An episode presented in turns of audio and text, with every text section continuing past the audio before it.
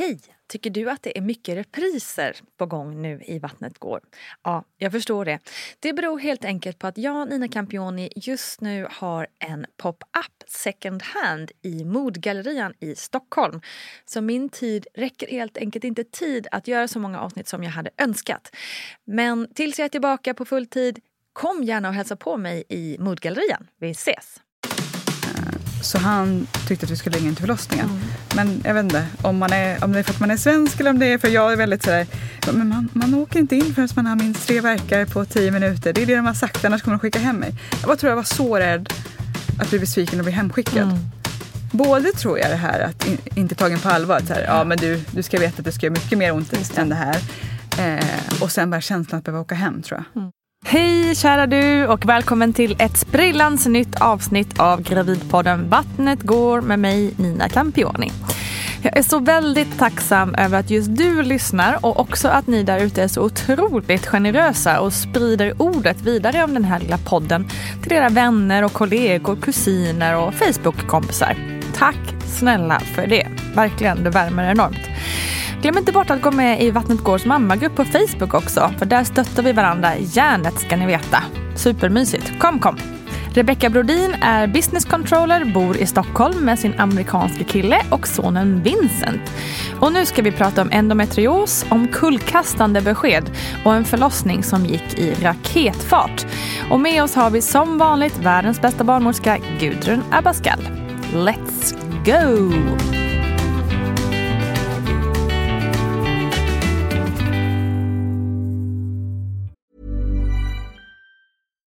Deserves the best, and there's no better place to shop for Mother's Day than Whole Foods Market. They're your destination for unbeatable savings, from premium gifts to show-stopping flowers and irresistible desserts. Start by saving 33% with Prime on all body care and candles. Then get a 15-stem bunch of tulips for just $9.99 each with Prime. Round out Mom's menu with festive rosé, irresistible berry chantilly cake, and more special treats. Come celebrate Mother's Day at Whole Foods Market.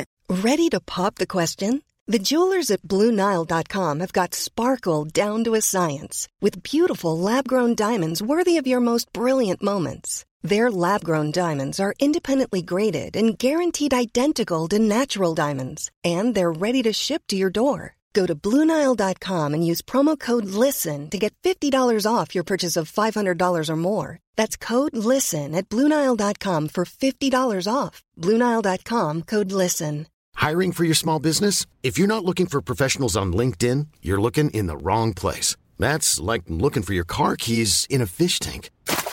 LinkedIn helps you hire professionals you can't find anywhere else, even those who aren't actively searching for a new job but might be open to the perfect role. In a given month, over 70% of LinkedIn users don't even visit other leading job sites. So start looking in the right place. With LinkedIn, you can hire professionals like a professional. Post your free job on linkedin.com slash people today. Hey, it's Ryan Reynolds, and I'm here with Keith, co-star of my upcoming film, If, only in theaters May 17th. Do you want to tell people the big news?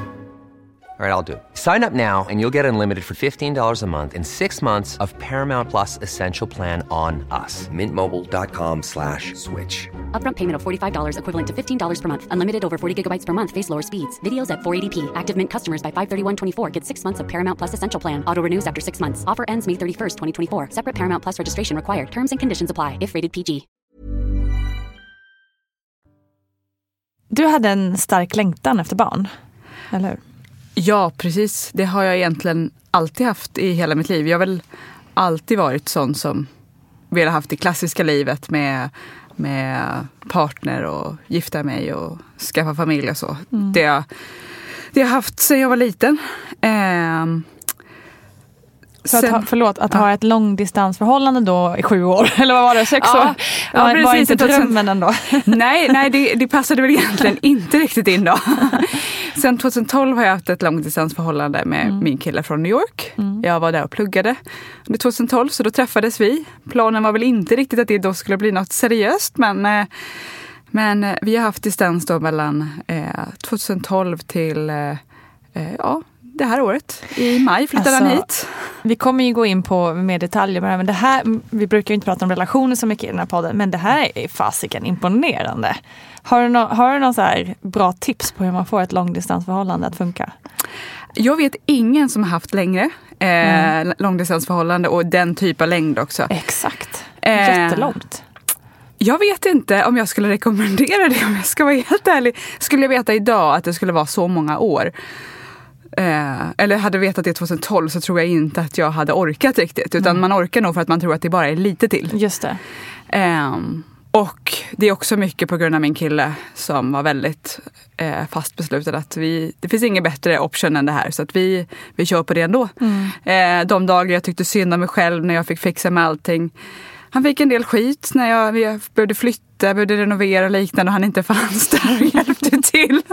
Men det fick han ta. Nej, men eh, eh, jag har då mest åkt till New York och haft jobb som har haft, ja, jag har haft möjligheten att kunna åka dit och eh, jobba lite på distans och Okej, liknande. Så ja. det har också haft, det har ju gjort att vi har haft Så möjligheten du har också. kunnat vara där i lite längre perioder liksom. Ja. Okej. Eh, Mm.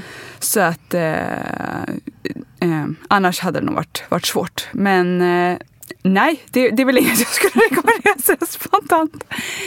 Eh, nej men 2012 så träffades vi. Eh, eh, och egentligen redan då så, utan att, ja, då var vi väl inte jätteseriösa men, men så snart vi bestämde att vi var ett, liksom ett par så, så har båda visste att vi ville ha barn. Eh, men jag visste ju då också, eller fick jag, jag fick nog reda på det alldeles i början av vårt förhållande, att jag hade endometrios. Ah, Okej, hur gammal Eh. var du då när du fick veta det? Jag fick reda på det, då måste jag ha varit eh, kanske 24, 25. Mm. Jag är 31 idag. Ehm, men jag har haft väldiga menssmärtor sedan jag fick mens i princip. Så att jag kommer ihåg att men under högstadiet så fick jag liksom gå till sjuksyster när det var eh, ibland för att få smärtstillande och de fick skjutsa hem mig och sådär. Men eh, det var ingen som någonsin tog upp endometrios. Just Så jag det. visste inte vad det var förrän eh, jag hade blivit eh, Ja, jag svimmade av ibland på stan eller på jobbet och liknande. Så jag blev alltså. hämtad med ambulans några gånger. Och jag tror det var för tredje gången. Då skickade de mig vidare på remiss. Så då kom jag till en överläkare på Danderyd. Mm. Eh, och det var första gången endometrios nämndes för mig. Och då hade jag nog haft det i alla fall tio år. Alltså det är helt otroligt. Ja, Det är skrämmande. Vi pratar ju om endometrios i avsnittet med Hulda Andersson som har skrivit en bok i ämnet. Det var samma Ja. för henne. Det här med att bli hämtad i ambulans och inte ens då växte någon slags så här varningssignal att nu kanske vi ska prata med en läkare här. Nej, jag blir så förvånad. ja. Varje gång eh, för mig så trodde de att jag hade, och vad, vad kallar man det, utanför... eh, Utom. Exakt. Ehm, eh, det är det de har gissat på. Mm. Ehm, men det visste jag också. Jag visste själv att jag inte var gravid på något sätt. Men eh, ja, det var det de chansade på. Eh, och mycket det här att ja, man har ont. Mm. Och när man har, chansa också på en diagnos, det är också så jävla sjukt. ja, ja. Och det här att man bara accepterat under så många. Ja men det gör ont. Ja. Men det finns ju olika grader hur ont kanske det, det borde göra. Det är helt sinnessjukt. Ja, Det är så viktigt att vi pratar med om det här och ställer krav kring det här. verkligen. För det är ju precis som du säger, framförallt också när man är ung tonårstjej och liksom har fått mens. Man kanske, inte ens, man kanske inte ens pratar om det med sin egen mamma för man tycker att det är lite pinigt. Eller i alla fall Ja, var det kanske ja, så för vår ja. generation. Förhoppningsvis är det bättre idag. Men jag menar herregud, vad ska man vända sig om man inte vet att så här ont ska det fan inte göra? Och sen om man då kanske tar mod till sig att göra det och så blir man lite sådär, ja ja men det gör ont. Exakt. Eh, så man känner sig lilla flicka, eh, det är bara att stå ut. Det, eh, nej, det, det tycker jag absolut att man måste bli bättre på. Man måste ta de typer av varningssignalerna eller liksom de, eh, ta det på allvar. För att jag tror det är så otroligt många som har lidit av det. Eh, och de tror att det är ganska stor anledning till eh, ofrivillig barnlöshet Ja. sen tidigare också. Hur ser vården på det här med menssmärtor och endometrios? Har synen och kunskapen förbättrats från det här klassiska äh, bit ihop och ta en Alvedon?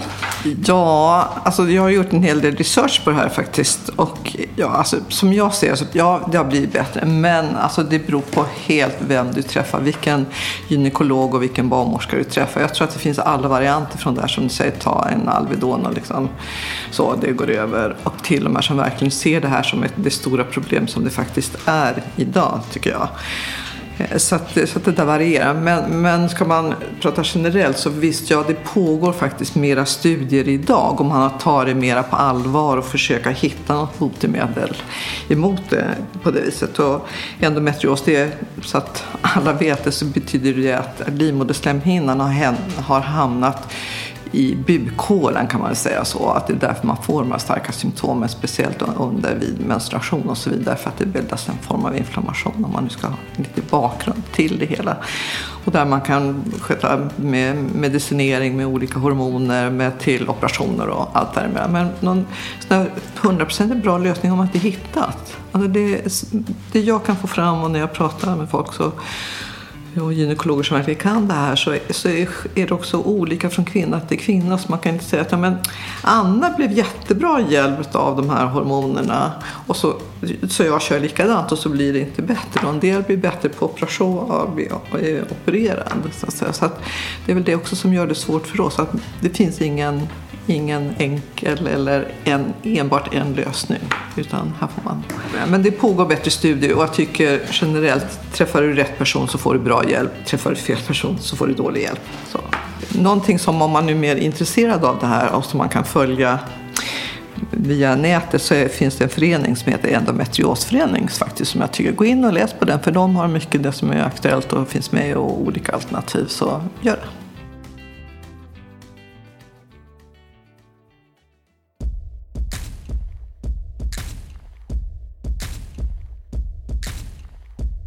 Nej, men eh, i alla fall, så då eh, 2014 typ eh, tror jag att jag fick reda på det. Eh, och då började jag googla, för innan dess hade jag ju ingen aning om vad det var. Mm.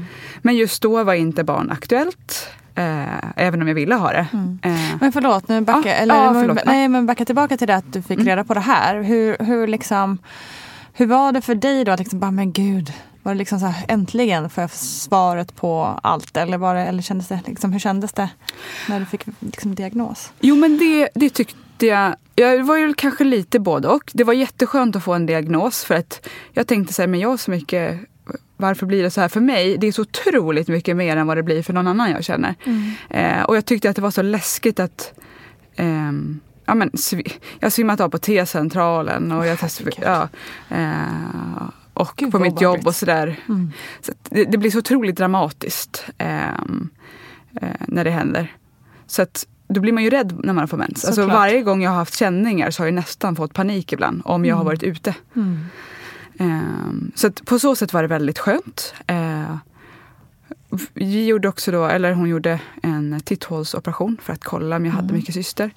Eh, så det tipset jag hade fått innan, och det har väl fungerat för mig, var just att eftersom att jag har haft så mycket menssmärtor så har jag fått rekommendationen att liksom käka eh, p-piller utan att ha, någon, alltså utan ha mens. Alltså så bara käka piller, eh, inte ha de här sockerpillerna.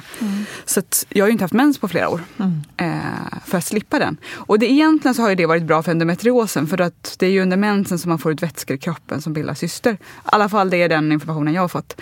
Så att jag har nog ändå behandlat det på bästa sätt utan att jag vetat om det. Så på så sätt har det varit bra. Så att, eh, när de gjorde titthålsoperationen så såg de bara men de såg början till cystor men de såg att det har eh, det var ingen idé att skrapa för skrapar man så eh, riskerar man ju också, man skrapar ju på livmodern tror jag och liknande. Så att då har man inte fått barn och vill ha barn så kan man riskera det. annat. Så eh, de konstaterade egentligen bara att jag hade det. Eh, men sen så började jag ju googla. Eh, och då kom den andra sidan här att, eh, med, med ofrivillig barnlöshet och sånt. Eh, och jag försökte fråga då den eh, överläkaren på Danderyd om, om vad händer liksom den dagen jag vill ha barn. Eh, ja, det finns ju liksom ingen, ingen magiskt eh, så, utan jag får ju börja såklart naturligt som alla andra. Men eh, sen så kanske jag behöver gå på IVF eller liknande. och Att jag skulle höra av mig den dagen jag kanske vill bli gravid och vi har haft problem med det. Ehm, så det har ju legat lite i bakhuvudet även om det inte riktigt var, eh, var aktuellt. Och sen så, eh, ja vad blir det då? F- Ja men ganska precis, ja, lite drygt ett år sedan när jag var hos eh, eh, eh, barnmorskan för att egentligen förnya p-piller. Mm. Eh, så frågade jag igen då hur det skulle bli, eller om hon hade några tips och idéer om vad jag ska tänka på i alla fall med endometrios. Kan det vara så att jag troligare har någon brist på någonting eller eh, ska jag vara ännu mer noga med, jag vet inte, kost eller träning eller kan det finnas någonting som jag inte tänkt på? Mm. Eh, och eh, egentligen sa hon bara att nej men vi, många som väljer att eh, eh, börja börja försöka få barn. Kanske börja lite mer sådär spontant. Att ja, jag tar bort p-pillerna. Ehm, och så sen får det bli lite när det blir. Men hennes rekommendation var väl i princip att du bör ju börja tajma ägglossning på en gång. Okay. Och, Mm. och liksom... eh, för att inte... För, för, för min del, om jag har många perioder där jag har mens, då hinner jag också bygga upp cyster i kroppen. Mm. Som då... Eh, har jag cysterna på, på eh, livmodern eller på äggstockarna så är det mindre troligt att ägget ens fastnar. Mm. För att det finns ju någon irritation där och då har man ju ofta lite svårare. Kroppen är inte lika mottaglig för en eh, graviditet. Ehm, men hon då eh, tog upp det här med att det, det kan ju vara ganska svårt. Jag kommer inte riktigt ihåg procenten, eller jag har hört olika, men det är ganska många som, som har svårt att få barn med endometrios. Eh, och hon sa att tänk i alla fall på att det kan ta ungefär tre år. Mm. Eh, och fertiliteten går ner ungefär vid typ 34-35. Jag var 30 då. Eh, och jag kommer behöva testa ett år nat- på naturlig väg. Eh, och sen så i så fall har det inte fungerat så börjar man med IVF. Och det är inte så att man blir gravid första gången man går in i en IVF-klinik utan det är mycket hormoner och liknande. Så hon sa det, det, det kanske tar tre år. Mm. Eh, och Hur kändes den infon? jag tror att jag tyckte det var bra att vara informerad. Och jag frågade nog också då för att jag kände att vi ska kanske inte ha barn just nu. Men, men just jag tänkte nog att det var något liknande. Så att jag ville vara förberedd så att det inte den dagen jag ville ha barn så inser jag att ja, men det här är, en, peri- det här Just är någonting som kommer ta några år. Så att jag gick väl in med den inställningen också. Att jag frågade i tid, eller hur man nu ska uttrycka sig. Ehm, men jag hörde ju bara att hon sa att det tar tre år. Mm. Eh, om det nu överhuvudtaget. Det är klart att vet, det finns ju ingen garanti att man någonsin blir gravid. Eh, men jag hade nog ställt in mig på att det här kommer bli en tuff, tuff resa att bli gravid. Och jag ville så otroligt gärna. Eh, så jag sa det till min kille att det, med min sjukdom så tar det ganska lång tid. Att bli gravid. Vi hade ju planerat, jag menar, han bodde inte i Sverige än, han bodde fortfarande i New York. Vi eh, hade i alla fall tanken om att han skulle flytta hit, vi skulle ha lite liksom bo ihop, testa bo ihop lite. Vara- sambos. Ja, vi tänkte gifta oss innan, vi tänkte resa lite. Eh, och sådär. Så att för han var det också ungefär tre år bort. Men när jag sa att det tar ungefär tre år så tyckte han också att det verkar rimligt. Eh, och han skulle precis komma. skönt också att ha liksom lite så här, ja men nu vet vi, tre år då gör vi allt det här som vi Ja har men, tänkt. ja. men lite så. Då, då, Liten hinner deadline. vi, då hinner vi, för vi hade precis ansökt om då alla eh, papper och allting var klart. Eh, Ja, men det är Migrationsverket Mm. och allting sådär. Så att vi, vi bara väntade på svar och vi var ju väldigt säkra på att det skulle bli ett ja. För vi har så mycket. Eh, ja, vi har ju ett seriöst förhållande. Så vi tänkte att ja, men då, då har vi ungefär tre år på att gifta oss och resa och eh, köpa lite större lägenhet. Och han ska etablera sig i Sverige, sig svenska, få jobb och allt det där. Ehm, så att båda tyckte att det lät bra. Även om det var väl jag som kanske pushade på det här lite mer. Ehm, men eh, så han kom på besök då, för han hade, vi åkte ju fram och tillbaka. Ehm, så han var och hälsade på eh, över jul och han var väl här i två och en halv månad eller någonting sånt. Eh, så då började vi ja, men, testa på naturlig väg för att vi visste att det behöver vi göra för att kunna gå in i det här sen. Eh, och jag hade köpt hem stor, stor packe med ägglossningstest.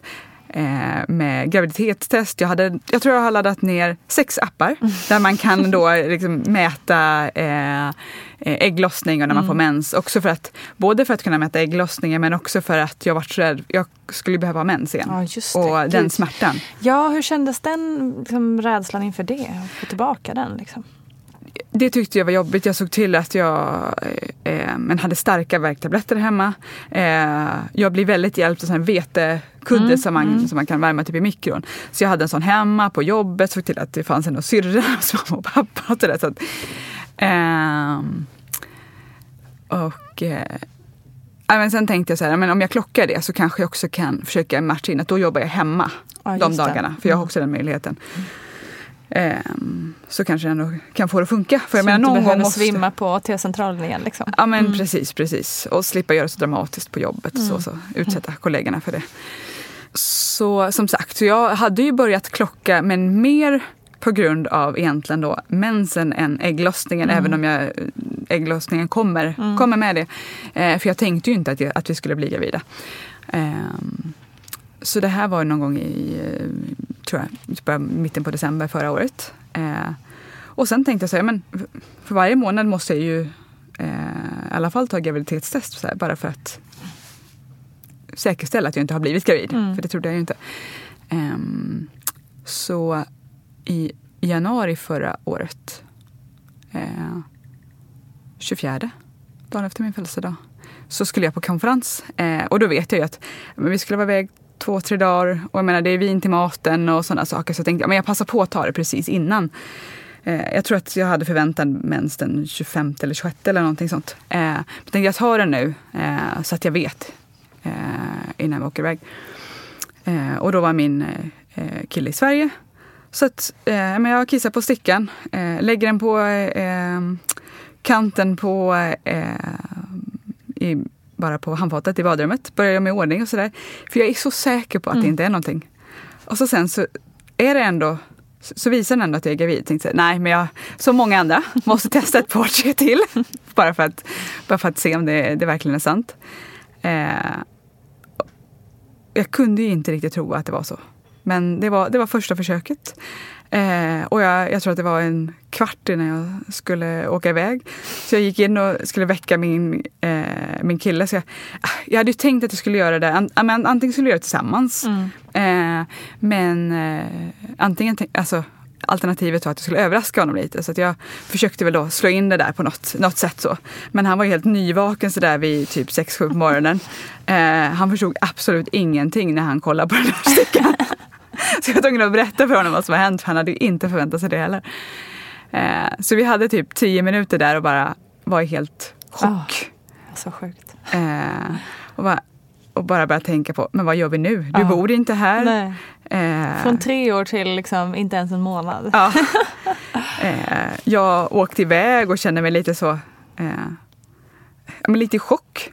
Jag tror att jag fick kanske tio sms bara på förmiddagen om jag mår bra. Om jag ätit ordentligt, om jag känner mig svimfärdig. Ja. Ja, men det, var, det var också härligt att han faktiskt var där eh, när, vi, när vi fick reda på det. Det var också Ja, skönt. ja, verkligen. Eh, men, eh, ja, men vi visste ju båda att även om det inte var ehm, planerat just då så det var aldrig någon tvekan om vi skulle behålla det eller inte.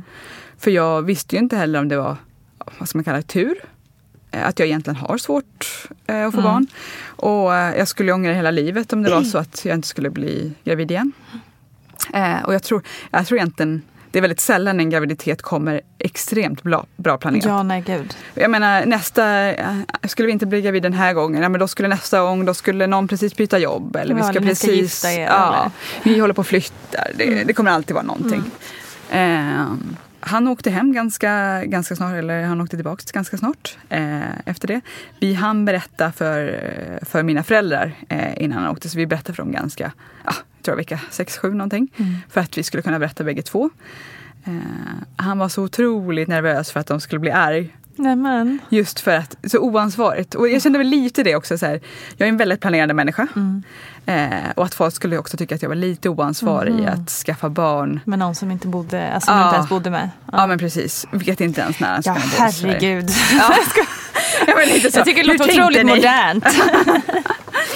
Eh, men de var bara fantastiskt glada. Det är klart. Ja. Får barnbarn ju, herregud. Ja, eh, bara någon vecka efter det så eh, när jag pratade med min pappa så pratade han om att men jag måste få upp gungställningen.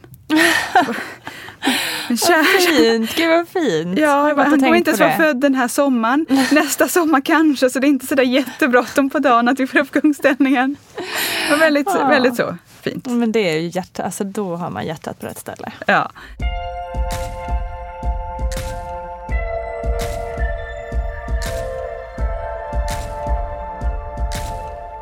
Men sen hade vi då en, en period fortfarande där, där vi hade långdistansförhållande. Mm. Ehm, eh, och egentligen bara vänt, inväntade eh, svar från Migrationsverket. Jag passade på att skicka lite uppdateringar med bilder och lite sådär, mest för att pusha dem. Mm. Eh, Ja, smart till Migrationsverket. ja, precis. Ah, smart. sådär att Ja. vi... Hallå! Ja, liksom. lite så.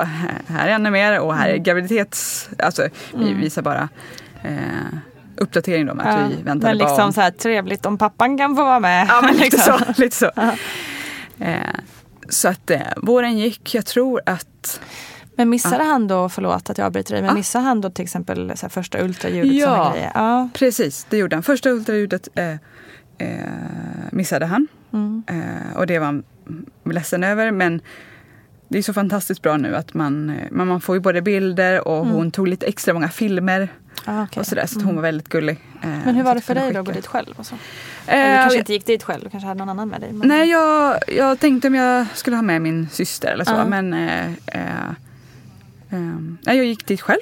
Eh, och men jag tyckte nog ändå att det gick bra. För jag hade också en stor tro om att han skulle komma ganska snart. Jag tänkte nästa gång då är han med. Ehm, och de är alltid så vänliga på, på sådana ställen. Alltså barnmorskan var jättegullig och det var så fantastiskt att få se sitt barn. För det är också det här som många tänker att men jo, man har absolut sett ett plus på en sticka. Men är jag helt säker på att det finns någonting där inne, att verkligen få se barnet och se hjärtljuden och det där, det var ju fantastiskt att få se det. Men nej, det, han missade ju själva tillfället eh, hos, eh, när vi var där. Ehm, och, eh, men jag har ju också haft turen att jag mått otroligt bra. Så det är också skönt att jag inte suttit hemma och vad man, säga, lidit själv. Nej. Eh, då hade han också mått dåligt att han inte kunde funnits där på samma sätt. Ehm, men jag har haft en jättebra graviditet. Jag har inte, jag har inte spytt en enda gång. Skönt. Uh, aldrig egentligen mått, eh, mått dåligt. Inte haft någon foglossning, ingenting. Så egentligen haft en drömförloss, eller drömgraviditet. Mm. Ehm, och sen i typ ja, men april då någon gång så fick vi beskedet om att han får flytta hit. Mitten på april i princip. Gud vad skönt. Ja, det var väldigt skönt. Väldigt skönt. Eh, så eh, i eh, början på maj kom han hit och ja, för gott. Det var Mm. fantastiskt. Mm. Och då var du typ fyr, fem månader då? Fyra månader? Fyra, fyra Ja. ungefär. Ja. Mm. Eh, Jag bara känner så här, förlåt, så hormon, liksom, känslorna går ju upp och ner så mycket. Tänker ju så här liksom att, att dras mellan så här, nej men gud jag är helt ensam och till att han får komma hit. Och det måste vara så här dubbelt känslopåslag. Ja men ver- verkligen, verkligen. Så fantastiskt när han kom sista gången. Och bara det här när vi ska planera saker. Så man, vi kan planera vilken dag som helst för du kommer alltid vara här. Mm. Annars har det alltid varit så här, vi ska försöka träffa, ja, men, gå på middagar och sådär när, när vi har varit och hälsat på varandra. Mm. Men nu ska han alltid vara här. Det känns fantastiskt. Ehm, det var det verkligen. Och han, eh, han var, jag tror, försenad. Han, jag tror han reste fem dagar sista, sista gången för det var så mycket förseningar. Så att han kom Oj, hit helt mörbultad. Eh, men han precis till andra ultraljudet. Ja, Bara några timmar före. skönt. Ja, det, var, det var det han ville. Mm. Eh, så då fick han i alla fall följa med och eh, eh, se, se vår lilla första ungen. Och då fick vi också reda på att det var en liten kille. Mm. Det hade vi valt innan att vi ville veta. Eh, och sen var vi till barnmorskan och höra liksom, hjärtljuden första gången. Och han spelade in det så att vi kunde skicka det också till, till sin familj. Och sådär. Eh, så att det var fantastiskt att han fick, i alla fall fick vara med på att dela den, Mm. den resan. Men sen egentligen så men har det gått väldigt eh, bra med graviditeten. Eh, förutom att jag väl haft en men, rädsla för förlossningen. Mm. Eh, för några år sedan så sa jag att om jag någonsin ska bli gravid så får de nog söva mig några dagar innan. Och sen väcka mig när all typ av smärta är borta. Och jag är kejsarsnitt för jag kommer aldrig någonsin gå igenom det för jag tyckte det Nej. lät så hemskt. Ja.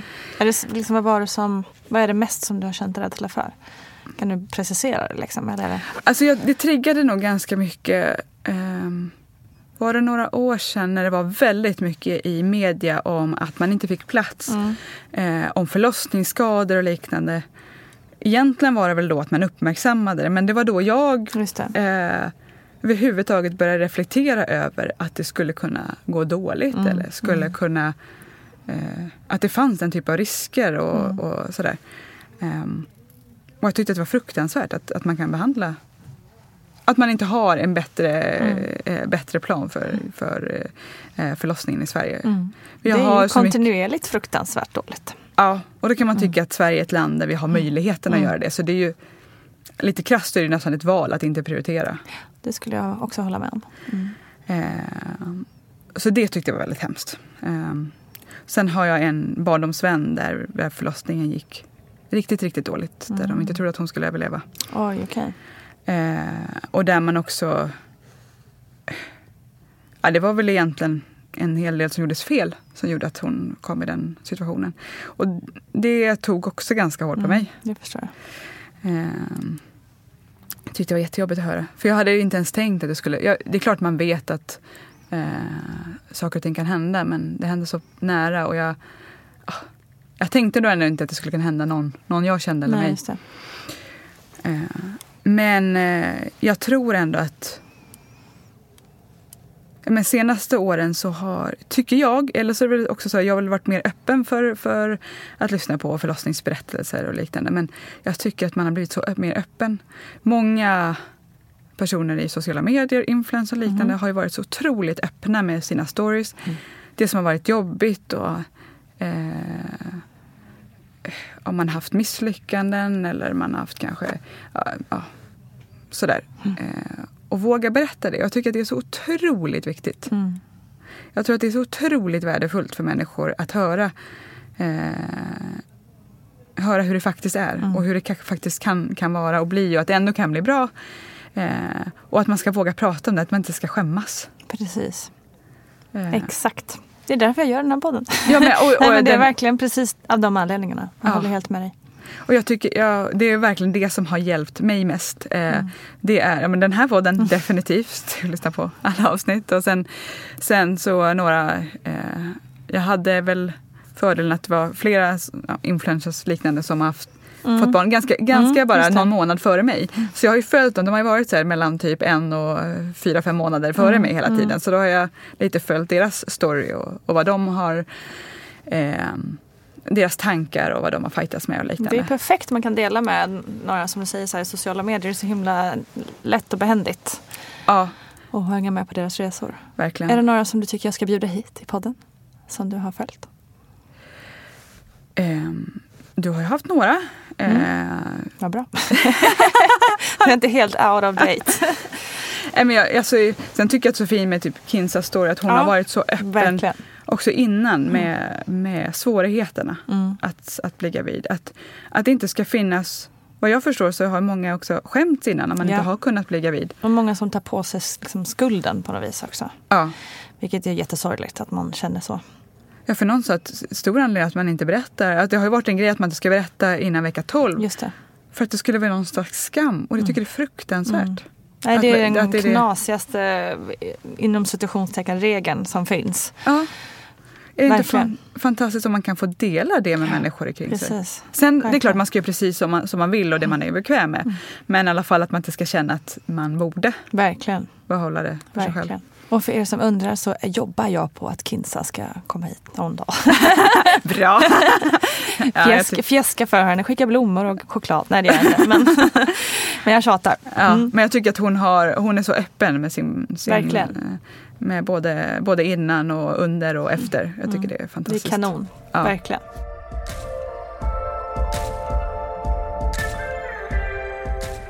Hur, hur, alltså hur tänkte du där då med snitt eller vaginal förlossning?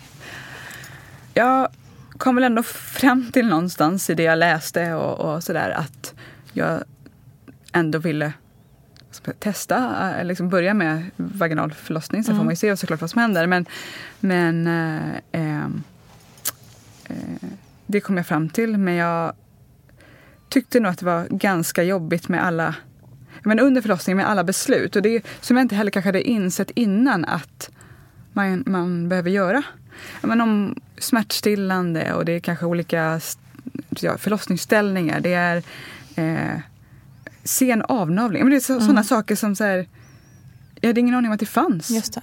Eh, som man bara hör någon nämna. Eller jag eh, är också med i grupper på, på Facebook till exempel. Eh, där man tar upp allting mellan himmel och jord, Mm. gravida. Och då kommer det upp massa saker som man inte ens har reflekterat över och folk skriver i förlossningsbrev och sådär. Och eftersom att jag är lite av en prestationsmänniska så vill man ju inte heller göra fel. Det finns inget rätt och fel, men jag vill inte heller ta fel beslut för mig. Eh, det märkte då den, jag har haft tre stycken barnmorskor de, eh, under, under graviditeten. Och hon sista märkte nog gans, det ganska tydligt att jag hade lite så prestationsångest. Mm. Så hon eh, skickade mig på ett sånt Aurora-samtal. Okay. Mm. Både, ja, men både för att jag har förlossningsrädsla men också tror jag för att lugna mig lite för eh, och få låta det liksom vara lite i deras händer så mm. de också får förklara lite vad, hur det går till och sådär. Eh, och då insåg jag väl kanske också lite under samtalet att jag vill nog ha en graviditet där jag blir väldigt eh, eh, jag vill nog inte ta så mycket beslut själv utan jag vill nog få väldigt mycket rådgivning mm. under vad de tycker är bra och vad, vad de... Men också väldigt informerat såklart. Eh, det var nog det jag tyckte var lite jobbigt, att jag skulle på något sätt göra någonting, något fel. Mm. Eller att jag skulle vara eh, oinformerad. För då skulle det också vara lite på mig, att jag har gjort någonting fel eh, som kanske på något sätt skulle skada mitt barn. Det tror jag att jag hade ganska mycket ångest över. Mm. Eh, så det pratade vi bland annat om. Eh, och gick igenom ganska tydligt men hur, hur förlossningen, ja, men hur kanske ett normalt skede så, eh, är på en förlossning. Ehm, och jag, även om jag fortfarande kanske var rädd så kände jag nog ändå att det eh, jag lägger det lite i deras händer också. Mm, eh, jag kan inte göra så mycket mer än så. För jag kom också fram till att om jag tänker för mycket på vad förlossningen kommer bli så kanske jag också får panik under de, den tiden. För det behöver inte alls bli som man har tänkt sig. Och det vart det inte heller. Eh, men om man har bestämt sig helt för att jag ska göra det här utan smärtlindring eller med smärtlindring eller vad man nu har gjort och så har man inte möjligheten så kanske man blir lite ställd. Mm. Eh, så i princip så var Eh, mina tankar bara att eh, beroende på hur situationen är så skulle jag vilja ha rådgivning utifrån och, och stöttning. Um, sen så, eh, så, så, det mesta av min information har väl egentligen kommit från eh, sociala medier på olika mm. sätt. Eh, och poddar. Eh, läst, läst en del. Eh, sen hade jag tanken om att vi skulle gå typ profylax och liknande. men det var så svårt att hitta på engelska. Ah, okej. Okay. Eh, jag hittade, och i och sig, det var också under sommaren så det kanske inte hade så mycket sådana kurser under sommaren, jag vet inte. Eh, jag hittade en, men den var då i oktober och det hade varit mm. efter BF så det kändes ingen, mm. inte, inte intressant att eh, anmäla sig till. Eh, och många säger att det är ganska mycket för partnern också. Ja absolut och det låter ju ändå lite så här knasigt i en stad som Stockholm, alltså att man inte, med, med, så mycket människor från andra länder i, det här, i den här stan. Ja, jag försökte det... mejla några och fråga om det fanns möjlighet att få någon på engelska och sådär. Men det var väl semestertider och sådär. Mm. Så vi, och jag jobbade väldigt mycket under min graviditet. Eh, egentligen lite för hårt. Så jag tror också att jag hade inte riktigt energin. Eh, jag tog det inte lugnt eh, innan förlossningen. Så att jag Um, jag, jag kom inte riktigt dit. Det, det vart inte så. Och min kille har väl inte engagerat sig så jättemycket just för att allt är nytt. Jag mm. menar för han var det bara att han ska få ett personnummer, han ska det, SFI alltså, så, och sådana mm. saker fick jag också kolla upp. För att, mm. jag menar, han är ett helt nytt land med nya... Mm. Så det var kolla upp åt honom han kunde inte riktigt supportera och hjälpa mig. Eh, för jag menar, han vet inte vad Försäkringskassan är eller vad sådär. Nej, alltså, eh. jag måste också flika in där. Vi har ju gått igenom samma grej. Min man kommer ju från Italien och ah. hit. Och det var ju samma sak. Alltså jag, och jag då som kan svenska, eh, det är mitt modersmål. Mm. Alltså jag tyckte det var fruktansvärt svårt att förstå alla de här blanketterna och olika Alltså den, den svenskan som används i det byråkratiska Sverige, det är, den är så svår den svenskan. Så att jag var så här helt ställd ibland när det handlade om de här migrationspappren och sånt där. Bara, men Simone liksom då bara, men eh, vad, vad menas det med det här? Jag bara, eh, fick läsa en mening tio gånger, fattade ändå inte vad det är de var ute efter. Nej. Och då tänkte jag bara, men herregud, hur ska en familj som kommer hit liksom, utan någon svensk kompetens överhuvudtaget kunna navigera? Liksom? Ja, men, ja, det är fruktansvärt svårt. Verk, verkligen. Eh, jag, jag håller helt med om det. Alltså, alltså, jag kände mig lite dum när någon frågade mig om vissa saker i processen. Mm. Så jag säger, jag, jag fattar inte, Nej, jag vet inte. Exakt. Och jag läste igen och igen. Och sen ska jag ärligt säga, ringde man ibland så fick man också olika svar. Ja, hur många gånger som helst var det ju så. Så eh, ehm, Så det kanske är så att även de som jobbar inte fattar blanketterna. nej, jag, nej, jag tror faktiskt inte det. Eller inte kan alla, alla delar i alla fall av det hela. Så att, och jag menar, alltifrån att få ett personnummer. Ja, eh, så ja, det tar tio veckor. Tio veckor att få ett personnummer. Det borde vara bara så skriva in Exakt. uppgiften och så borde menar, det borde vara digitalt. Det skulle Ja. kunna komma på tio minuter Precis. kan man tycka. Ja. Eh, så, så mycket sådana saker Ja. samtidigt. Ehm, så helt förstående så kunde ju han inte hjälpa till med, med jag kolla upp, man ska anmäla sig till Försäkringskassan och, och allt sånt där och kurser och sådär. Eh, så att det vart aldrig någon, någon eh, profylaxkurs. Eh. Ehm, men eh, som sagt, läste på istället. Och, och så. Vi gjorde också ett, någon variant av förlossningsbrev med barnmorskan. Egentligen. ehm, där man då diskuterar kanske eh, smärtlindring och sådana saker. Också för att få han lite involverad vad jag, vad jag tycker och tänker. Just för han var det. alltid med på de, eh, de träffarna. Eh, och och det, är, det är nog ändå bra att eh, reflektera lite över vad man vill även om det inte blir, även om man kanske inte ska ha såna jätte ehm, eh, vara helt sett på exakt hur Nej, man vill men ha exakt, allting. Men ändå ha reflekterat över. Mm. vad som kan hända under en, eh, under en eh, förlossning. Eh, och sådär. Eh, men eh,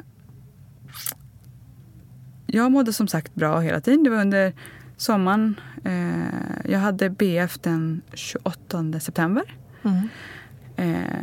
Mm. Eh, egentligen så skojade jag väl om att, jag menar, att eh, troligtvis så kommer jag väl gå över tiden. Både för att statistiskt sett gör man det och min mamma gick över tiden med både mig och min syster. Eh, men när det väl närmade sig så eh, kände jag att jag var väldigt klar, som så många andra. Utan att jag egentligen hade haft några krämpor eller någonting sånt. Lite trött. Men, eh, men eh, jag vill inte gå över en dag. Så jag hade också testat en del sådana knep. Käkade dadlar. Eh, och testade lite sådär te och lite eh, men när, när BF väl kom så eh, då var jag väldigt eh, då var jag väldigt klar. Då var du redo. Eh, jag var helt bestämd på att jag skulle gå ut och köpa ingredienser för att typ eh, dricka förlossningsdrinkar eller något liknande. Ja. Jag skulle göra allt. Eh, men det vägrade min kille. Han sa att barnet kommer när det kommer. Här ska vi inte forcera någonting överhuvudtaget. Det har du inte med att göra. Lite så skrek jag nog. Ja, då var det mycket hormoner som, eh, som eh, i kroppen. Alltså, jag tänker inte gå över om två veckor. Det finns inte. Han säger, du har inte gått över alls än. För att du inte får, du, bara för att du inte har barn idag betyder inte det två veckor. Så han vi kan väl prata om det här om några dagar. Eh, men eh, som sagt, jag mådde jättebra. Jag jobbade till, till eh, fredagen och jag hade BF på lördagen. Oh, wow, du jobbade hela vägen. Ja. Eh, och utan att jag vill lägga någon... För, för ibland känner jag, jag mådde, bara gå tillbaka, jag mådde så bra i min graviditet. Eh, men det är inte heller någon, någon prestation i det. Även om absolut, jag var väl på ett sätt glad att jag kunde jobba länge och jag kanske pushar mig själv lite mer än jag borde ibland. Men eh, att andra personer går hem två månader innan eller tre månader innan. De har ju andra, alltså, jag kunde inte göra någonting åt. Jag har inte gjort något speciellt för att jag skulle få må så bra. Det är ju bara, jag får ju bara vara otroligt tacksam för att jag fick må så bra. Eh, att man inte heller lägger någon slags värdering i det. Nej, verkligen inte. För ganska många ändå, och det är inget som menar något illa, men, men på så här, så här, ja, men vad duktig du är som har jobbat så länge. mm, mm. Eh, och jag tänkte någon gång på när det stod någon bredvid som jag vet gick hem väldigt eh, tidigare och haft väldigt mycket problem. Men jag, aldrig, jag är inte bättre än någon annan. Så att, man inte, så att man inte gör så kvinnor emellan att någon är duktigare. Verkligen. Håll, håller jag. helt med. Jättebra att du poängterar det tycker jag. Ja, för jag, jag bara tycker att det, det finns ingen prestation i den. Eh, och man ska självklart gå hem om man mår dåligt, för jag menar, det är ju för barnets hälsa. Ja, och sen också för sin egen. Just Ja. att det, så här, det är otroligt skönt också att bara få en liten paus innan. Ja. Eh, men, eh, nej men precis, alltså det är ingen värdering i det. Eh, nej men min spontana reaktion där, oh wow, var ju verkligen så här. Ja. Det, var ju, det lät ju som att jag menade, gud vad duktig du är. Eh, och det var nog inte menat så, utan jag kände mer att det var så, åh oh, jösses. Ja, ja. alltså typ så här, herregud att du orkade. Ja men det, det var nog jag också lite fascinerad över kan man väl säga. Eh, och när man gick på det på jobbet när folk frågade så, när är det dags? Ja om två dagar. Sådär. eh, Imorgon bara. och jag menar jag höll på att lämna över mitt, mitt jobb till en annan. Så man bara, ja det skulle, om, det, om jag inte har barn imorgon, för jag menar det hade kunnat kommit två veckor tidigare också. Så då gör vi det här. Då. Så det var ju hela tiden, om jag kommer in imorgon så. Det är lite rolig verklighet att befinna sig i. Ja, och någon dag när de hade glömt att jag skulle till läkaren tror jag det var, så bara, ja nu måste hon ha fått barn här, för nu är hon inte inne.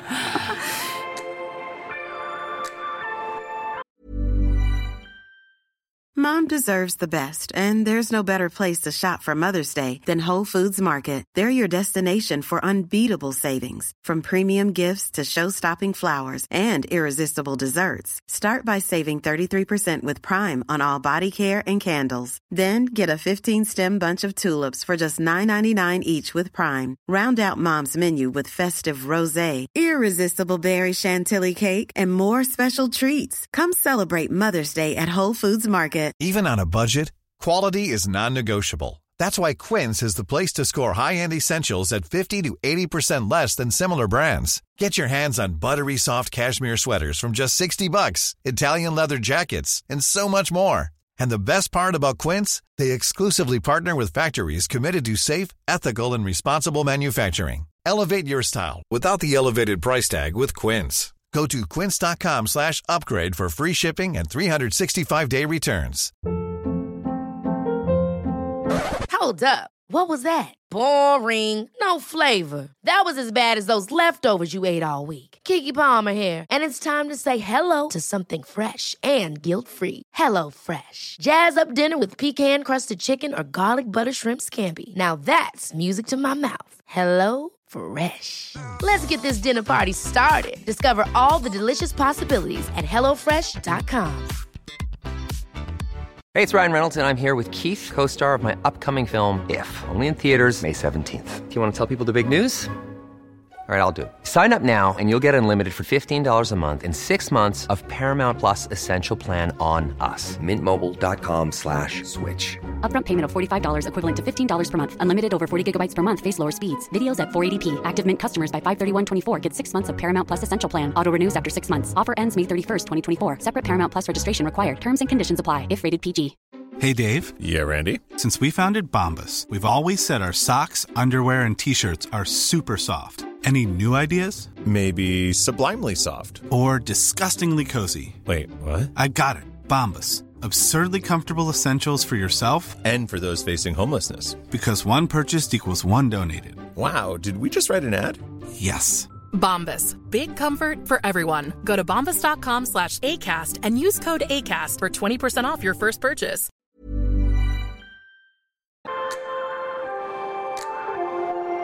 På ett sätt så hade jag väl kanske också mått bra av att vara hemma också. Men jag menar, det är bra också att mentalt lugna ner sig lite. Men det hade lite också med att göra med min förlossningsrädsla. Att inte vara hemma och reflektera för mycket och tänka så mycket. För lite stängde jag också av att fokusera på jobbet. Eh, och inte sitta hemma och, och, och tänka. Eh, jag, jag tror inte att det hade varit jättebra för mig. Eh, men det är helt personligt. Ja, men sen kom vi till förlossningen.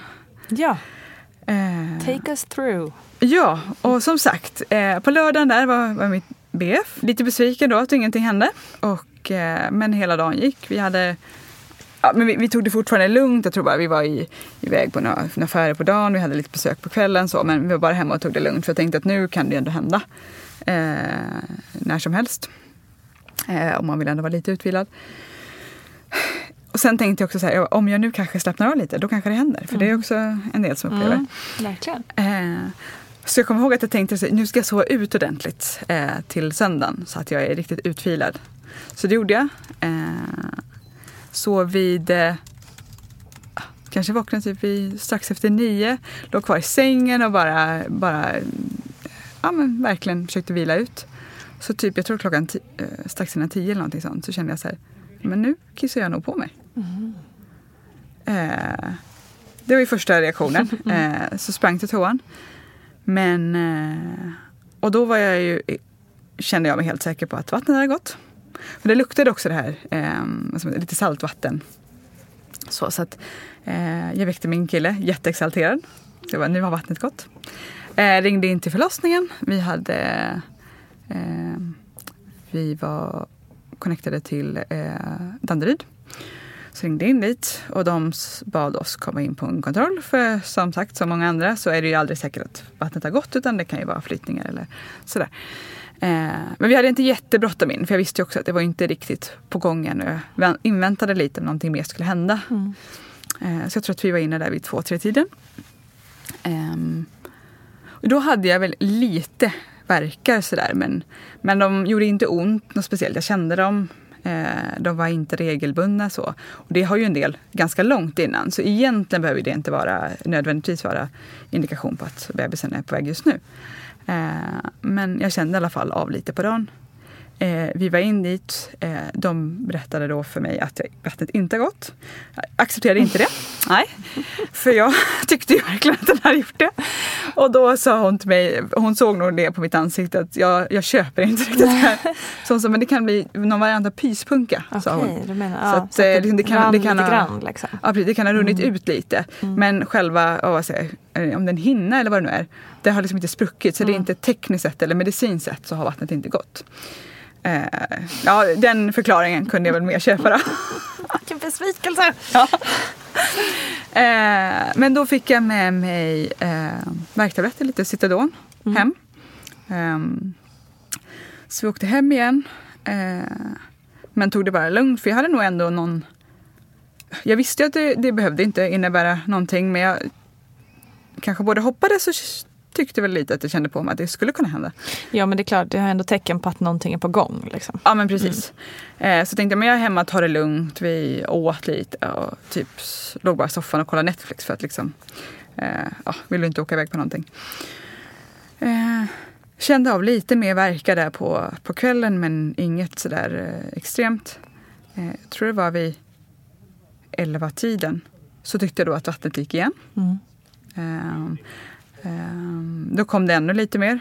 Ehm, men jag tänkte, ja, jag behöver ju inte skynda mig in i alla fall. För att jag känner också så här, åker vi in nu, ehm, vare sig det är vattnet eller inte. Menar, man måste väl ha fött i princip inom jag tror 48 timmar eller någonting sånt på grund av infektionsrisk. Om det är vattnet. Ja, eller om det är 72. Det här, det här är konstigt, jag har ju själv varit med om det här men jag får alltid fel på siffrorna. Vi frågar Gudrun. Ja. Eh, hur lång tid efter att vattnet gått måste barnet ut på grund av infektionsrisk?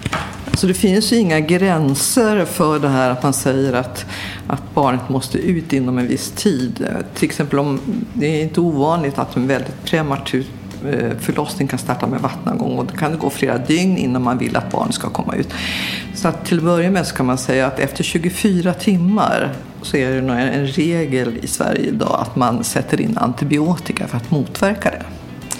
Så att den regeln är. Sedan så är det så att får man ett tecken på en infektion, alltså hos kvinnan med, med feber eller hos barnet också, man kan se att hjärtljuden går upp och det finns olika tecken i alla fall, då ska ju barnet eh, födas, födas fram så att säga. Så att man ska inte ha en infektion och sen inte barnet ska komma ut, utan då, får man, då är det bara att komma ut för barnet. För I mitt fall så var, gick ju mitt vatten men mitt barn var inte fixerat. Är det annorlunda då?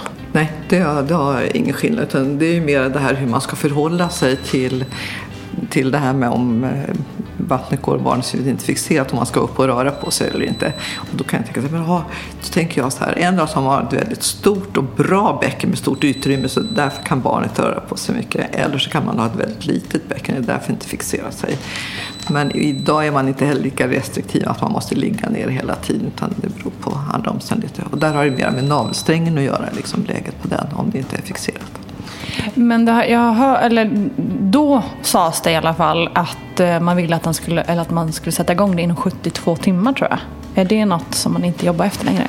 Nej, idag så säger man att så sätter man inom 48 timmar så att man har dragit ner på det. För tidigare så var det precis, nu var det, det är sex år sedan.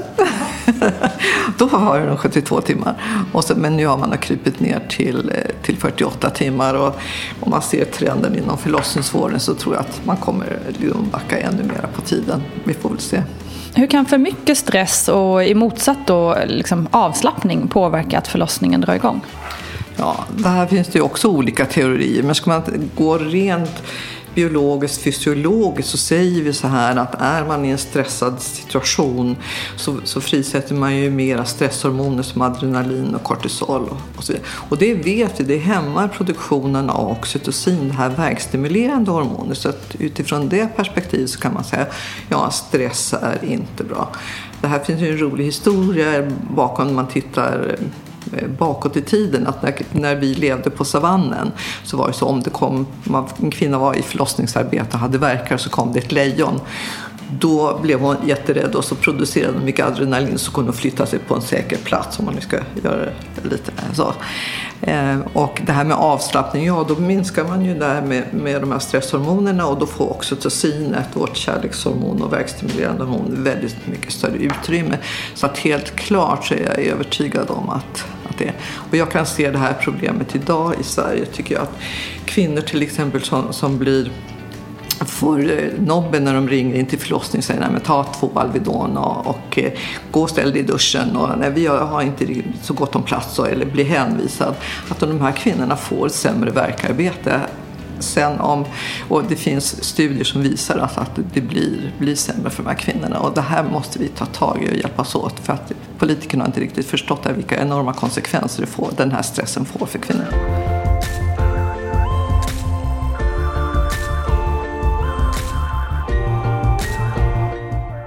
Jag tänkte, det, det spelar ju ingen roll på liksom en timme eller två i alla fall. Så eh, jag ringde inte in just då. Jag tänkte men jag väntar lite och ser om det händer något mer. För att eh, jag hade ingen lust att åka fram och tillbaka. Så jag tänkte det kommer ta så mentalt om de bara skickar hem mig igen. Mm. Eh, och jag såg att det var inget grönt eller det var liksom inget färgat så, som skulle kunna vara något eh, eh, som behövde kollas upp. Eh, och sen så tror jag det var vid typ jag kollade faktiskt nu på eh, verktimern så kunde jag kolla när jag mm, började mm, tajma verken. Eh, och eh, jag tror det var vid halv ett så började jag tajma. Eh, så då måste det ha dragit igång lite, mm. för jag kommer inte ihåg exakt men jag, så måste det varit vid halv ett. Eh, och då började jag ändå göra ont. Eh, jag tog de där Citodonen, dubbla. Och så använde jag den här vetekudden och liksom låg i soffan. och det gick väldigt snabbt till att det började göra riktigt ont. Mm. Eh, flyttade till duschen för jag hade hört att det skulle vara skönt. Men då kunde jag knappt stå upp. Okej. Okay. Eh, och då bad jag min kille eh, tajma verkarna. Eh, men det gjorde så ont att han fick hålla i mig i princip eh, mot golvet för att jag, jag var nästan lite mm. så, inte riktigt medveten för att jag, jag hade fruktansvärt ont. Och eh, han tyckte att det var ganska jobbigt. Eh, så han tyckte att vi skulle ringa in till förlossningen. Mm. Men jag vet inte om, man är, om det är för att man är svensk eller om det är för jag är väldigt sådär, men man, man åker inte in förrän man har minst tre verkar på tio minuter. Det är det de har sagt, annars kommer de skicka hem mig. Jag bara tror jag var så rädd att bli besviken och bli hemskickad. Mm. Både tror jag det här att in, inte tagen på allvar, att så här, ja men du, du ska veta att det ska göra mycket mer ont det. än det här. Eh, och sen bara känslan att behöva åka hem tror jag. Mm. Och det gjorde så ont så jag hade inte velat åka mer än jag behövde. Fan det är tungt alltså. Eh, att, man ska känna, att man ska känna den oron också att behöva bli hemskickad. Men det är ju viktigt, det är ju också, ska vi påminna alla om också att ha, ha, alltså, har man ont så ska man ju fan inte bli hemskickad. Så är det bara. Ja, jag mm. menar, och så var det ändå. För sen så tvingade min kille mig ringa. Va? Då tror jag klockan var ja, kanske vid halv tre eller någonting sånt. Eh, det är typ två timmar av, av verkar. Han bara, nu, nu är du knappt vid medvetandet. Alltså, mm. Nu måste vi ringa in. Eh, och jag sa nej. Han bara, men nu ringer vi. Mm. Så jag sa, fine vi ringer. Eh, och precis när de svarade så fick jag en verk. Så han fick prata med dem. Eh, och då hörde ju de mm. hur ont jag hade och jag mm. fick inte riktigt fram mitt personnummer för han kunde inte det. Eh, och sådär. Eh, så de bara, men vi hör att det har väldigt ont så kom in i alla fall mm. så kollar vi. Eh, tänkte ja, men vi gör det. Så vi ringde en taxi, eh, åkte in. Jag, hade så jag kunde, kom nog knappt ner själv tror jag till, eh, till taxin och han körde fort men väldigt... Mm. Alltså, han, tog liksom svår, han tog inte ens... Eh, eh, vad är det? E4, E18? Ja, vad det nu är. jag har ingen bil. Jag har ingen bil, jag kan inte vägarna.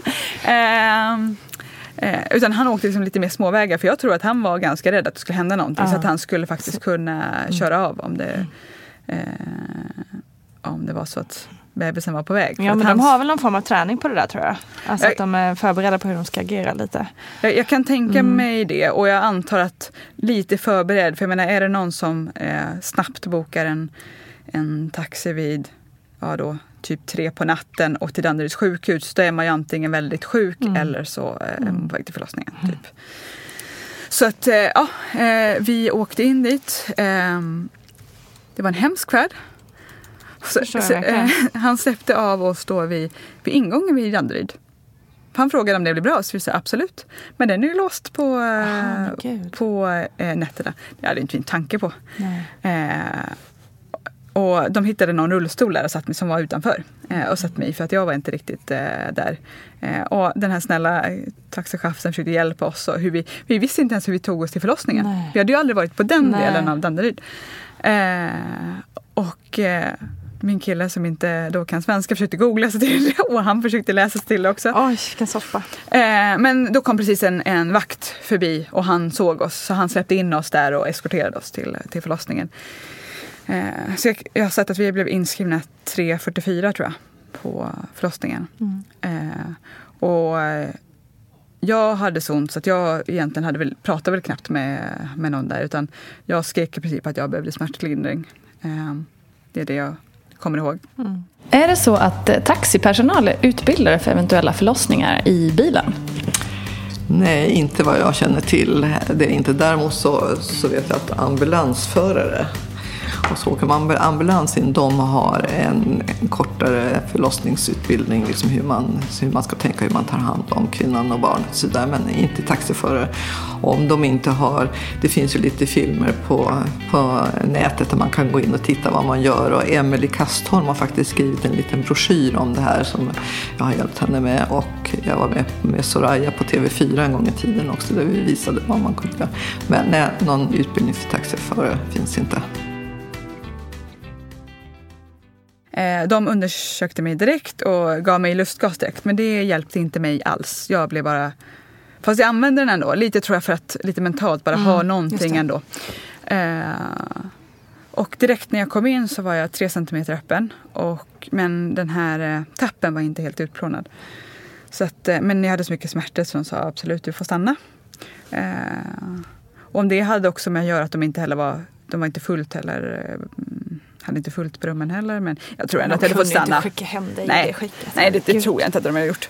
Eh, så hon gick i princip, barnmorskan gick och skrev in mig. Eh, och sa att ja, men absolut, jag ska kolla upp det här med typ epidural och sådär. Eh, det ska vi absolut ge dig. Eh, och kom tillbaks.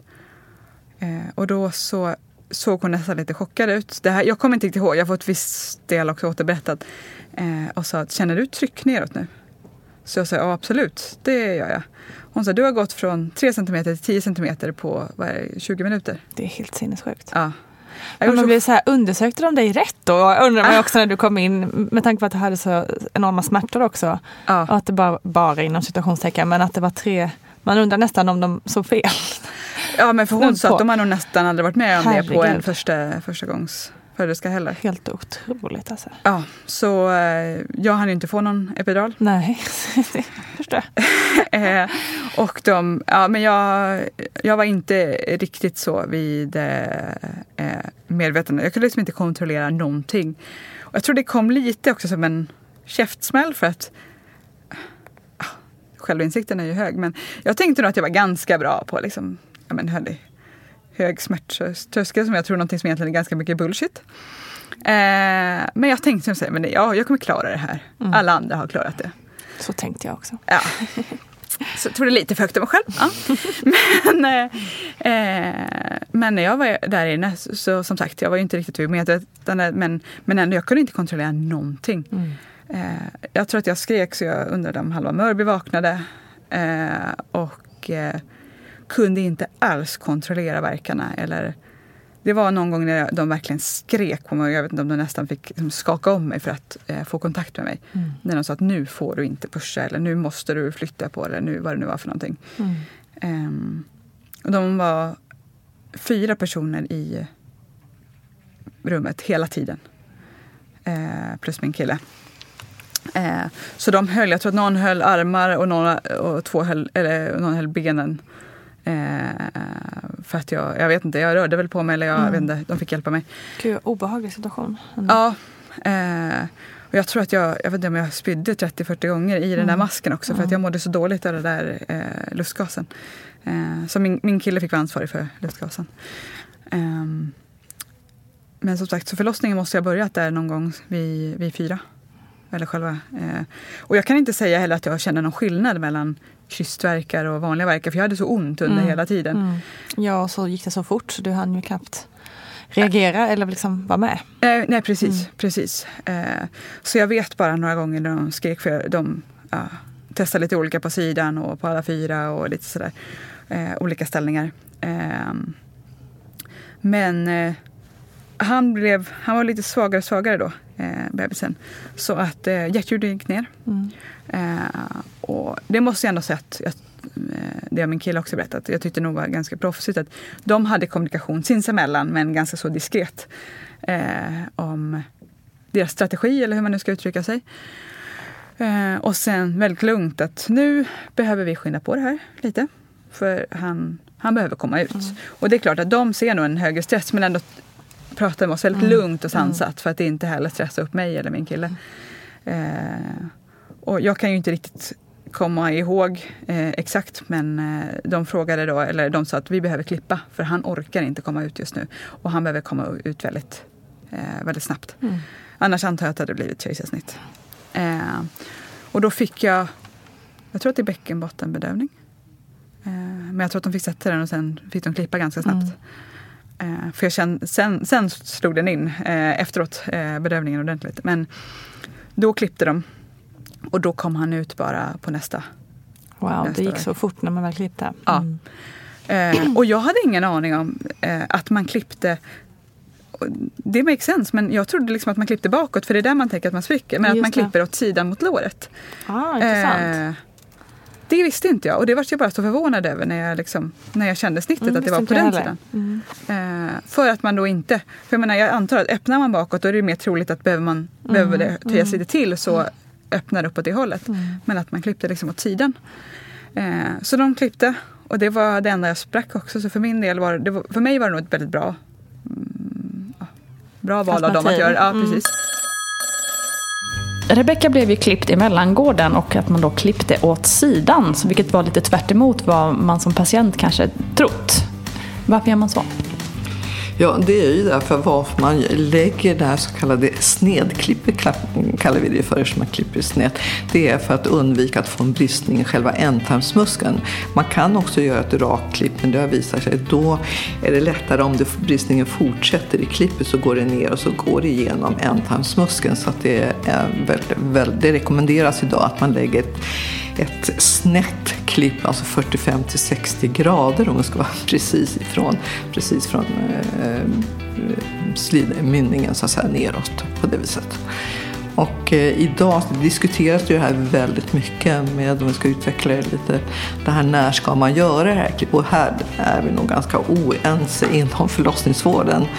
Och det pågår en, en studie i idag som, där man ska titta på det framförallt vid sugklocka. Och där finns det nog en, en, en hel del saker som, som pekar på i alla fall att de här väldigt, det här, det här handlar om att man forcerar förlossningen och vävnaden kanske inte med, att där kan det finnas en fördel till att göra ett snett snedklipp som vi, vi kallar det för. Eh, sen i vissa länder går ut och tittar så, så gör man snedklipp på, på i princip alla förstföderskor. I Finland är det väldigt vanligt. Och jag tycker ändå att man ska veta att när man gör ett snedklipp så blir det en grad 2 brist, bristning. Så att man tycker att man ska verkligen ha koll på läget. Kan jag undvika en bristning, en grad 2 bristning genom att inte klippa? Ja, då ska man göra det. Men blir det en större bristning och barnet snabbt behöver komma ut, det är väl det som är den största anledningen. Men sen sugklocka börjar väl också bli så. För att hela läkningsprocessen efteråt blir ju knepig. Man kvinnor har mera ont och man kommer senare tillbaka till sexlivet och så vidare. Om man ska generalisera. Så.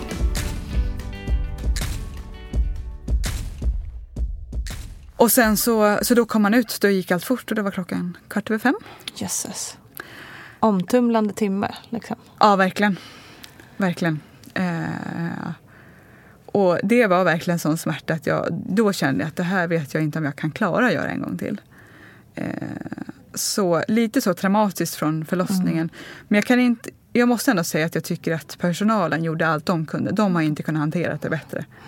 Eh, för jag menar, de kan inte sätta epidural när man Nej, Precis. gud. Nej, det så går att, inte. eh, jag menar, de gjorde det de, gjorde det de, det de eh, tyckte var bäst och eh, tyckte de skötte det väldigt proffsigt och vi kände oss väldigt väl omhändertagna ändå. Mm. Ehm, men eh, känslan då eh, när han bara kom upp på mitt bröst. Och jag vet att det är väldigt olika. Eh, och jag hade ändå hört då i olika berättelser att en del känner inte den här eh, kärleken direkt utan man, man har lite olika. Mm. Eh, ja, och det är ju ingenting man kan bestämma över heller. Men för mig var det verkligen direkt. Eh, jag tyckte det var helt fantastiskt. Gud vad skönt. Ja. Och då, då någonstans eh, slog också liksom bedövningen in. Så att jag, hade ju, jag kände ju i princip ingenting eh, alls. Och de passade på och sydde och allting. Jag kände ingenting av när de sydde. Du kunde bara ligga i ditt lilla, Ja. din dvala där. Så det Ja. var, jätte, det var helt fantastiskt. Och, Men vad skönt för det, oftast kan ju det också vara, just när det går fort, att det kan bli svårt att ta in då att man har fått ett barn plötsligt eftersom det har gått, man har inte hunnit med liksom mentalt. nej. Ehm, men vad skönt att det... Ja, men jag tror att jag, jag tyckte det var så Ja, smärtan var så fruktansvärd att jag inte riktigt kände jag klarade typ inte en, en minut till. Eh, så det var också en sån otrolig lättnad. Mm. Eh, och sen helt fantastiskt när han kom. Ehm, eh, och väldigt skönt att jag slapp känna allting efteråt. Så jag, jag, jag märkte inte ens av att moderkakan kom i princip. Och Gud vad lyxigt. Ja, ja faktiskt. Den biten fick jag jätteskönt. Så bara ha honom, liksom, eh, bara, bara kolla på Mm. honom medan de tog hand om allt annat. Mm. Det var väldigt skönt. Eh, och hon som var ansvarig barnmorska sa att eh, ja, jag antar att de säger till de flesta ja, men du är ju som gjord för att, för att föda barn. Så, jag nej, det, nej, det skulle jag inte riktigt påstå. Det var det värsta jag Det gjort. tycker inte du i alla fall.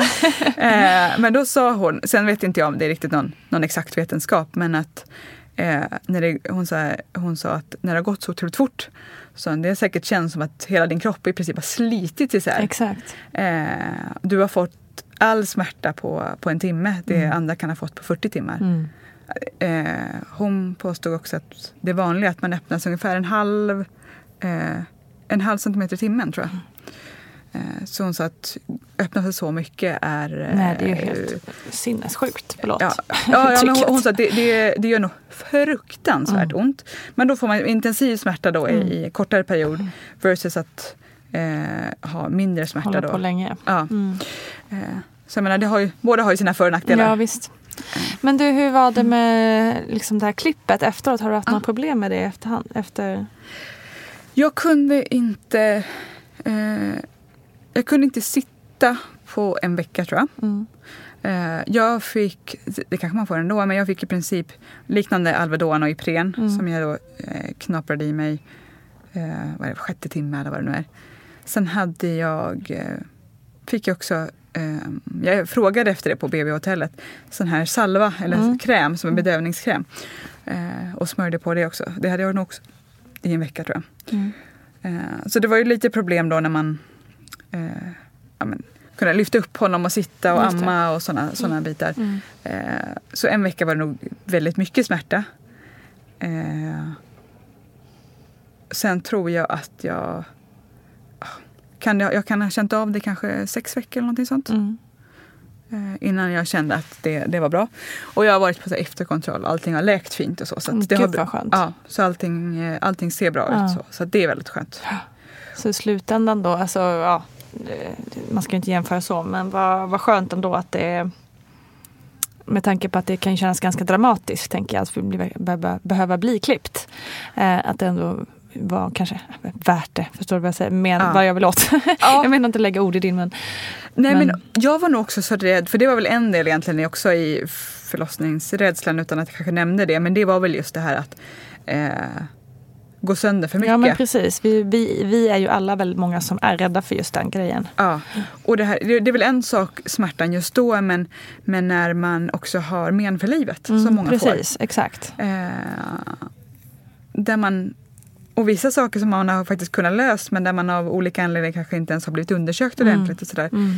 Eh, och inte fått den hjälpen. Så det var jag väl egentligen eh, rädd för. Och det finns ju olika teorier men jag tänkte och hoppades nog att ett klipp kanske skulle kunna vara lite mer kontrollerat.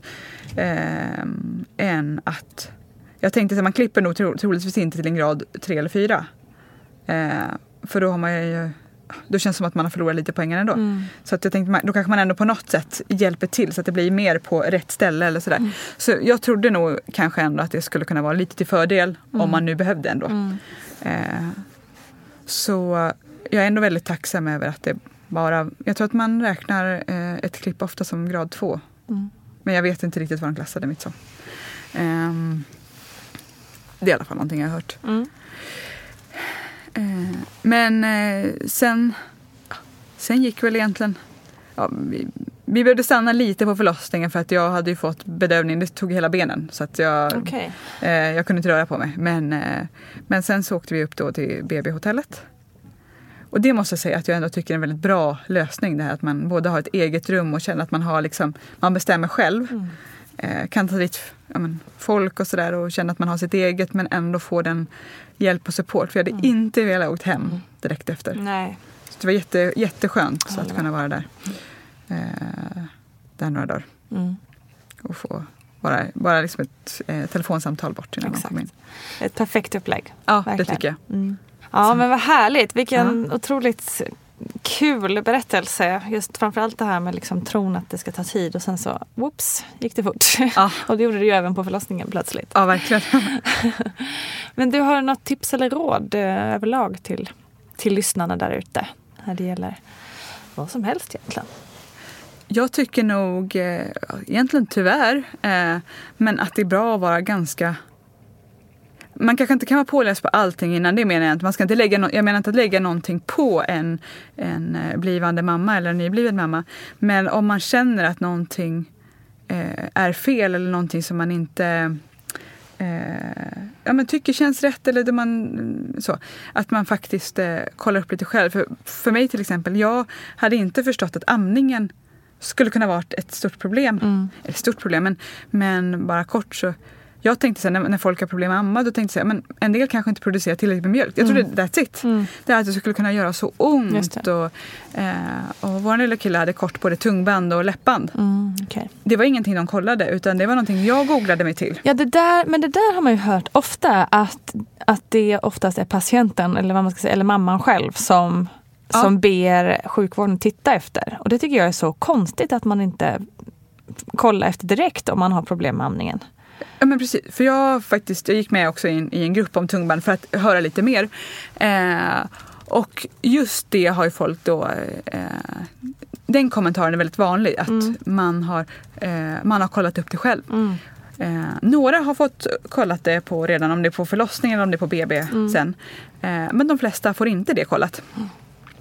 Eh, och det, Det kan jag tycka är så, så sorgligt för det är så ett otroligt lätt ingrepp och Ja. det gör sån otrolig skillnad. Och så har man ju lösningen framför sig. Liksom. Ja. Det bara kolla. Men för min del var det så att alltså, min son hade inte ett bra tag. Det liksom läckte lite i mungiporna och det gjorde extremt ont för mig. Eh, och det är några av de då, symptomen. Och då kan det bara vara ett, liksom ett klipp på tungbandet eller läppbandet som gör all skillnad. Så s- det, det är väl någonting jag skulle rekommendera att man men man, man googlar sig fram lite eller så och kollar eh, om det är någonting man tycker inte känns fel. Och sen får man vara lite pushig eh, att få hjälp och kolla upp det. Vi, vi fick hjälp direkt. Jag eh, tog upp det på eh, när det var eh, en månadskontrollen med läkaren och då sa han, tycker du det, du låter påläst, då skickar vi en remiss direkt. Så att det var inget svårt att få remissen Just det. men det var, det var jag som tog initiativet. Eh, en del som har haft problem med amning upptäcker lite senare att bebisen har haft ett kort tungband. Varför undersöker man inte det liksom direkt om det nu blir problem med amning? Ja, det där har ju diskuterats ju också väldigt mycket. Och visst har ett kort tungband en, kan vara en anledning till att barnet inte kan sträcka ut tungan tillräckligt mycket och inte trycka fram mjölken. Men sen är det ju inte så att all, vad är ett, vi vet ju inte riktigt vad är ett kort tungband egentligen. Så alltså, det finns olika grader och det finns också barn som kan, som kan ammas med, med kort. Så att det blir mer att man tittar på tekniken som barnet har, att barnet ska sträcka ut tungan. Och, alltså på alla BB-avdelningar innan man går hem så gör man ju en amningsobservation där man ska kontrollera, inte hur tungbandet ser ut, men att se att barnet får ett rätt tag och att tungan kommer tillräckligt långt fram och så vidare.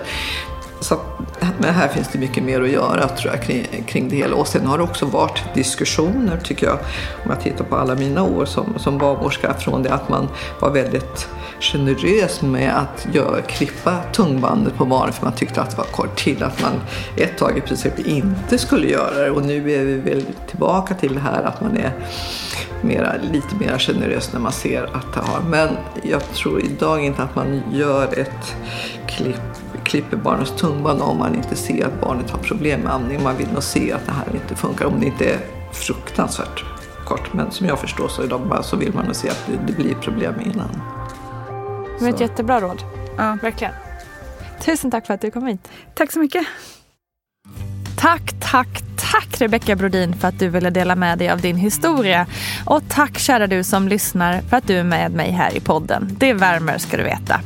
Rita gärna podden i din app eller på annat ställe och så hörs vi på sociala medier. Puss och kram!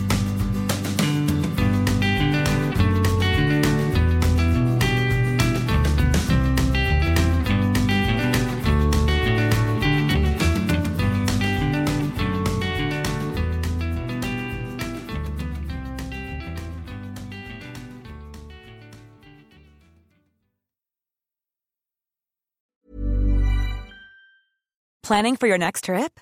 Elevate your travel style with Quince. Quince has all the jet setting essentials you'll want for your next getaway, like European linen, premium luggage options, buttery soft Italian leather bags, and so much more. And is all priced at 50 to 80% less than similar brands. Plus, Quince only works with factories that use safe and ethical manufacturing practices. Pack your bags with high-quality essentials you'll be wearing for vacations to come with Quince. Go to quince.com slash pack for free shipping and 365-day returns. Hold up. What was that? Boring. No flavor. That was as bad as those leftovers you ate all week. Kiki Palmer here, and it's time to say hello to something fresh and guilt-free. Hello Fresh. Jazz up dinner with pecan-crusted chicken or garlic butter shrimp scampi. Now that's music to my mouth. Hello Fresh. Let's get this dinner party started. Discover all the delicious possibilities at hellofresh.com. Imagine the softest sheets you've ever felt. Now imagine them getting even softer over time. That's what you'll feel with Bowl and Branch's organic cotton sheets. In a recent customer survey, 96% replied that Bowl and Branch sheets get softer with every wash. Start getting your best night's sleep in these sheets that get softer and softer for years to come. Try their sheets with a 30-night guarantee. Plus, get 15% off your first order at bowlandbranch.com. Code BUTTERY. Exclusions apply. See site for details. Hi, I'm Daniel, founder of Pretty Litter. Cats and cat owners deserve better than any old fashioned litter. That's why I teamed up with scientists and veterinarians to create Pretty Litter. Its innovative crystal formula has superior odor control and weighs up to 80% less than clay litter. Pretty Litter even monitors health by changing colors to help detect early signs of potential illness. It's the world's smartest kitty litter. Go to prettylitter.com and use code ACAST for 20% off your first order and a free cat toy. Terms and conditions apply. See site for details.